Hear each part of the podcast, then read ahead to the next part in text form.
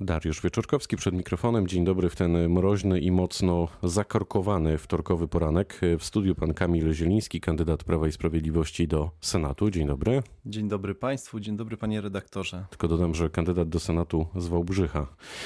To przypadek, że taśmy, których bohaterem był przewodniczący Platformy Obywatelskiej Sławomir Neumann miały premierę na tydzień przed wyborami?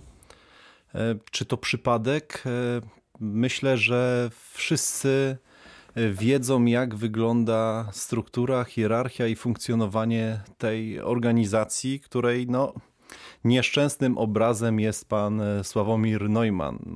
Spotykam się z ludźmi na ulicach i wyborcy Platformy Obywatelskiej są oszukani, są zniesmaczeni. E, dla mnie to jest nic nowego, natomiast przykre jest to, że władze, no, wydawać by się można było najpoważniejszej partii opozycyjnej, traktują swoich wyborców, no tak jak powiedział pan Sławomir Neumann. Powinno być e, zgoda na takie wrzutki? Już pytam tak globalnie, bo to każdego z was, polityków, może dotknąć w pewnym momencie. Dopóki politycy będą siebie nawzajem szanować, dopóki będziemy traktować tą naszą pracę, to nasze funkcjonowanie w polityce jako służba publiczna, dopóki zwracać będziemy się do siebie z szacunkiem, a już na pewno do członków naszych organizacji i do wyborców, e, nie powinno mieć czegoś takiego miejsca. Natomiast no, to jest przykry obraz konającej Platformy Obywatelskiej. A ma pan takie poczucie, że się szanujecie jako politycy? Wydaje mi się, że to, o czym mówimy, to jest mniejszość, to jest mniejszy ułamek. Na co dzień spotykamy się również z przeciwnikami z obozów. E, mówię przeciwnikami w rozumieniu politycznym, natomiast szanujemy się, e, rozmawiamy ze sobą. E, to jest tak, że może stroszymy pióra włączas, gdy jest kampania wyborcza, natomiast jest naprawdę wiele ludzi znacząco odmiennych poglądach niż moje, z którymi się lubię, znam, szanuję, spotykamy się. Spodziewa się pan, że na tej ostatniej prostej wybuchnie jeszcze jakaś afera? E, mam nadzieję, że afer nie będzie. Mam nadzieję, że będzie czas na to, żeby przekonywać e, mieszkańców, naszych wyborców e, do tych naszych pomysłów, do tych naszych zapewnień albo pokazywać to, co już zostało zrealizowane z sukcesem, a tego Prawo i Sprawiedliwość ma bardzo, bardzo dużo na Dolnym Śląsku, na południu Dolnego Śląska. Sporo w tej kampanii poświęcono służbie zdrowia. Rzeczpospolita zapytała Polaków, która formacja jest zdolna ich zdaniem skutecznie zreformować państwową opiekę zdrowotną. Co trzeci badany uważa, że tu cytat, nie widzą takiej partii na polskiej scenie politycznej. Jaką receptę na uzdrowienie służby zdrowia ma w takim razie Prawo i Sprawiedliwość? Bo tak naprawdę nigdy nie było tak diametralnego wzrostu nakładów na służbę zdrowia jak teraz. To jest początek tej wielkiej inwestycji. E, to jest wzrost o 4 miliardy. Próbujemy dojść do poziomu 6% e, PKB nakładów na służbę zdrowia. My już powiedzieliśmy, że nie 2025, a 2024. E, w nowej zapowiedzi, tej, którą zrealizujemy w 100 najbliższych dni po wyborach, e, będzie ten pakiet kontrolny bezpłatnych badań. E, wiemy, jak funkcjonują szpitale, od tych najmniejszych gminnych przez powiatowe, przez te, które są w sterach urzędów marszałkowskich. My dzisiaj mamy sytuację taką, w której poprzez naszą wiarygodność dajemy gwarancję, że e, poziom obsługi na poziomach e, SOR-ów, na poziomach tej podstawowej opieki zdrowotnej, poprawi się znacząco. My to mamy policzone dzisiaj chociażby. Ale przez 4 takim... lata się nie udało. E, panie redaktorze, e, udało się naprawdę bardzo wiele. My dzisiaj mamy sytuację taką, w której wiemy, ile łóżek e, w zakładzie opieki leczniczej na poziomie powiatu świdnickiego, mówię o, o, o moim okręgu, brakuje. Wiemy, jak jest, jak funkcjonuje szpital wałbrzyski, który jest jedyny, jakie zadania ma, że zdarza się, że obsługuje obsługuje e, pacjentów spoza jego jakby zasięgu merytorycznego, terytorialnego. Te rzeczy wymagają uporządkowania. Z wojewodą Pawłem podjęliśmy się ciężkiego zadania koordynacji jakby pogotowia ratunkowego. E, ostatnio dwie karetki dla Wałbrzycha, dla Świdnicy. E, w tym układzie to jest coś, co jest wymierne, co jest już zrobione i to jest początek trudnej drogi. Służba zdrowia to jest bardzo trudny element naszej rzeczywistości, bardzo potrzebny który niezwłocznie wymaga stabilnej, stabilnego funkcjonowania na poziomie rządowym. To prawda, mówi się, że aby chorować trzeba mieć naprawdę dobre zdrowie.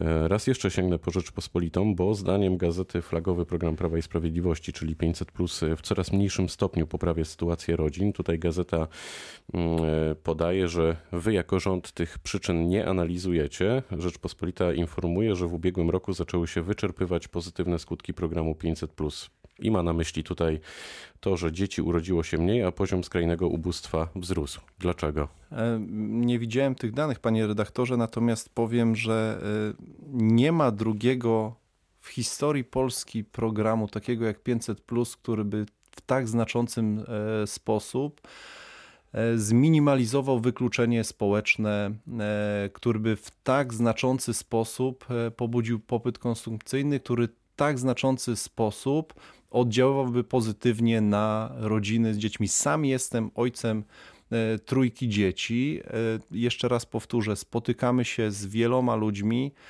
Naprawdę głosów, e, które są krytyczne w stosunku do tego programu, jest bardzo, bardzo znikoma ilość. To jest bardzo pozytywny program solidarnościowy. Prezes e, Prawa i Sprawiedliwości, pan Jarosław Kaczyński, zapowiedział na początku tygodnia, że w przypadku wygranej e, w ciągu pierwszych 100 dni zostaną uchwalone ustawy albo przygotowane programy rządowe dotyczące m.in. małego ZUS-u, 13 i 14 emerytury i pakietu kontrolnych e, badań. Ile to będzie kosztowało? Trzeba powiedzieć, e, widzi pan, tu mamy dwie różne optyki.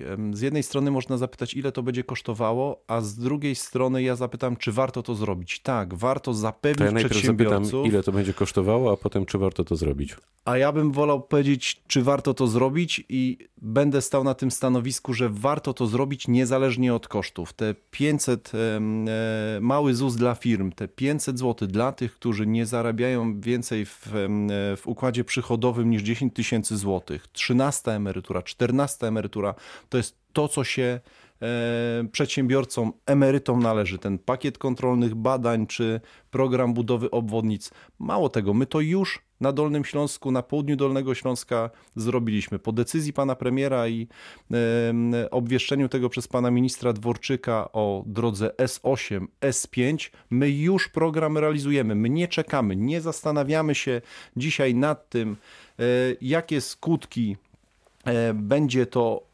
miało za 10 lat, bo my dzisiaj mamy to policzone, że zmieniając krajobraz tak naprawdę logistyczny, społeczno-gospodarczy poprzez uruchomienie tych dwóch ważnych arterii dla południa Dolnego Śląska, my wiemy, że tych firm będzie więcej, my wiemy, że turystów będzie więcej, bo dojadą do tych części, które nierzadko są zapominane albo są trudno dostępne. Pełna zgoda, ale czy wystarczy nam na to wszystko pieniędzy? Czy to nie jest tak, że w pewnym momencie jednak prędzej czy później e, będzie trochę wolniej gospodarka rosła, no i wtedy możemy mieć problem? Panie redaktorze, jakbym próbował odbić pytanie, to bym mm, zapytał, jaki mamy w tym roku budżet. A ten budżet w tym roku jest zrównoważony. Co to oznacza? To oznacza, że po czterech latach rządów Prawo i Sprawiedliwość bilans wydatków jest e, równoważny z bilansem kosztów. A to oznacza, że odpowiedzialnie rządzimy, nie obiecujemy, tylko liczymy, podsumowujemy, planujemy i realizujemy. To dlatego pan premier e, Jarosław Kaczyński powiedział, że 100 dni po wygranych wyborach nam wystarczy, aby te kolejne zapewnienia zrealizować. To, to który z tych pięciu punktów podoba się panu najbardziej? Który jest panu najbliższy? Powiem panu w ten sposób, że e, w trosce o naszych seniorów ta 13 i 14 e, emerytura jest takim naszym długiem wobec tych osób, którzy już lata wypracowali.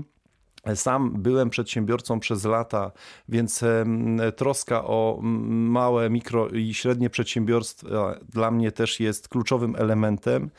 Z punktu widzenia regionu, w którym żyję, południa Dolnego Śląska, kluczowe są obwodnice, kluczowe są drogi, kluczowa jest infrastruktura drogowa, jak i kolejowa. To pozwoli południu Dolnego Śląska odżyć. Naprawdę A wie pan, to jest gdzie bardzo już te obwodnice powstaną? Dzisiaj mamy sytuację taką, w której my w programie dla południa Dolnego Śląska zapewniliśmy naszych wyborców, że trzy z tych obwodnic powstaną u nas na południu. Myślę, że jednym z, najpra- myślę, że jednym z najbardziej prawdopodobnych miejsc jest e, Dzierżoniów.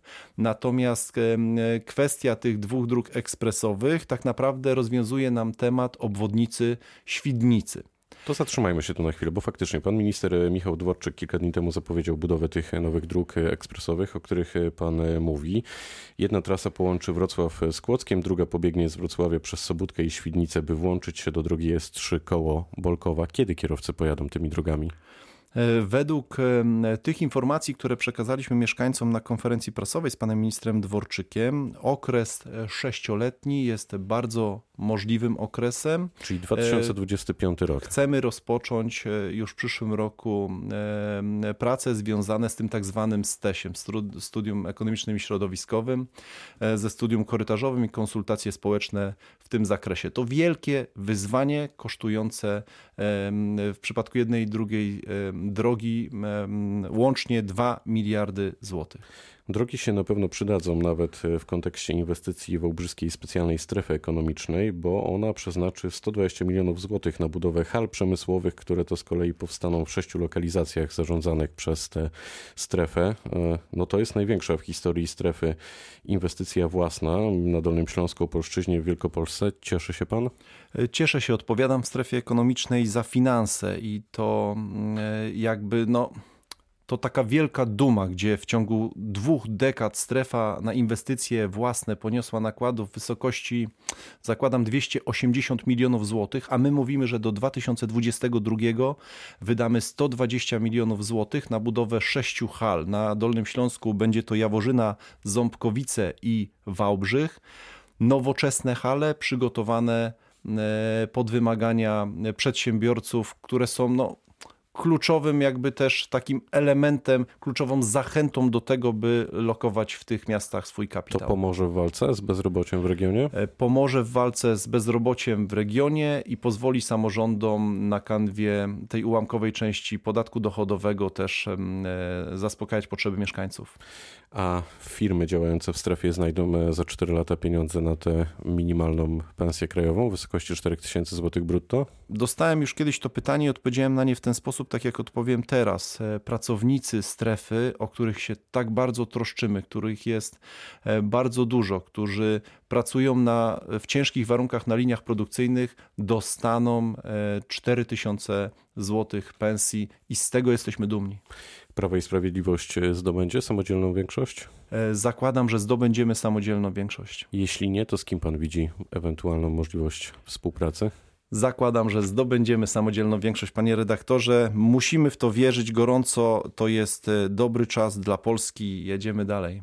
Powiedział pan Kamil Zieliński, kandydat Prawa i Sprawiedliwości do Senatu z Wałbrzycha. Bardzo dziękuję za spotkanie. Prosząc o głos mieszkańców Dolnego Śląska, dziękuję. Pytał Dariusz Wyczorkowski. Dobrego dnia.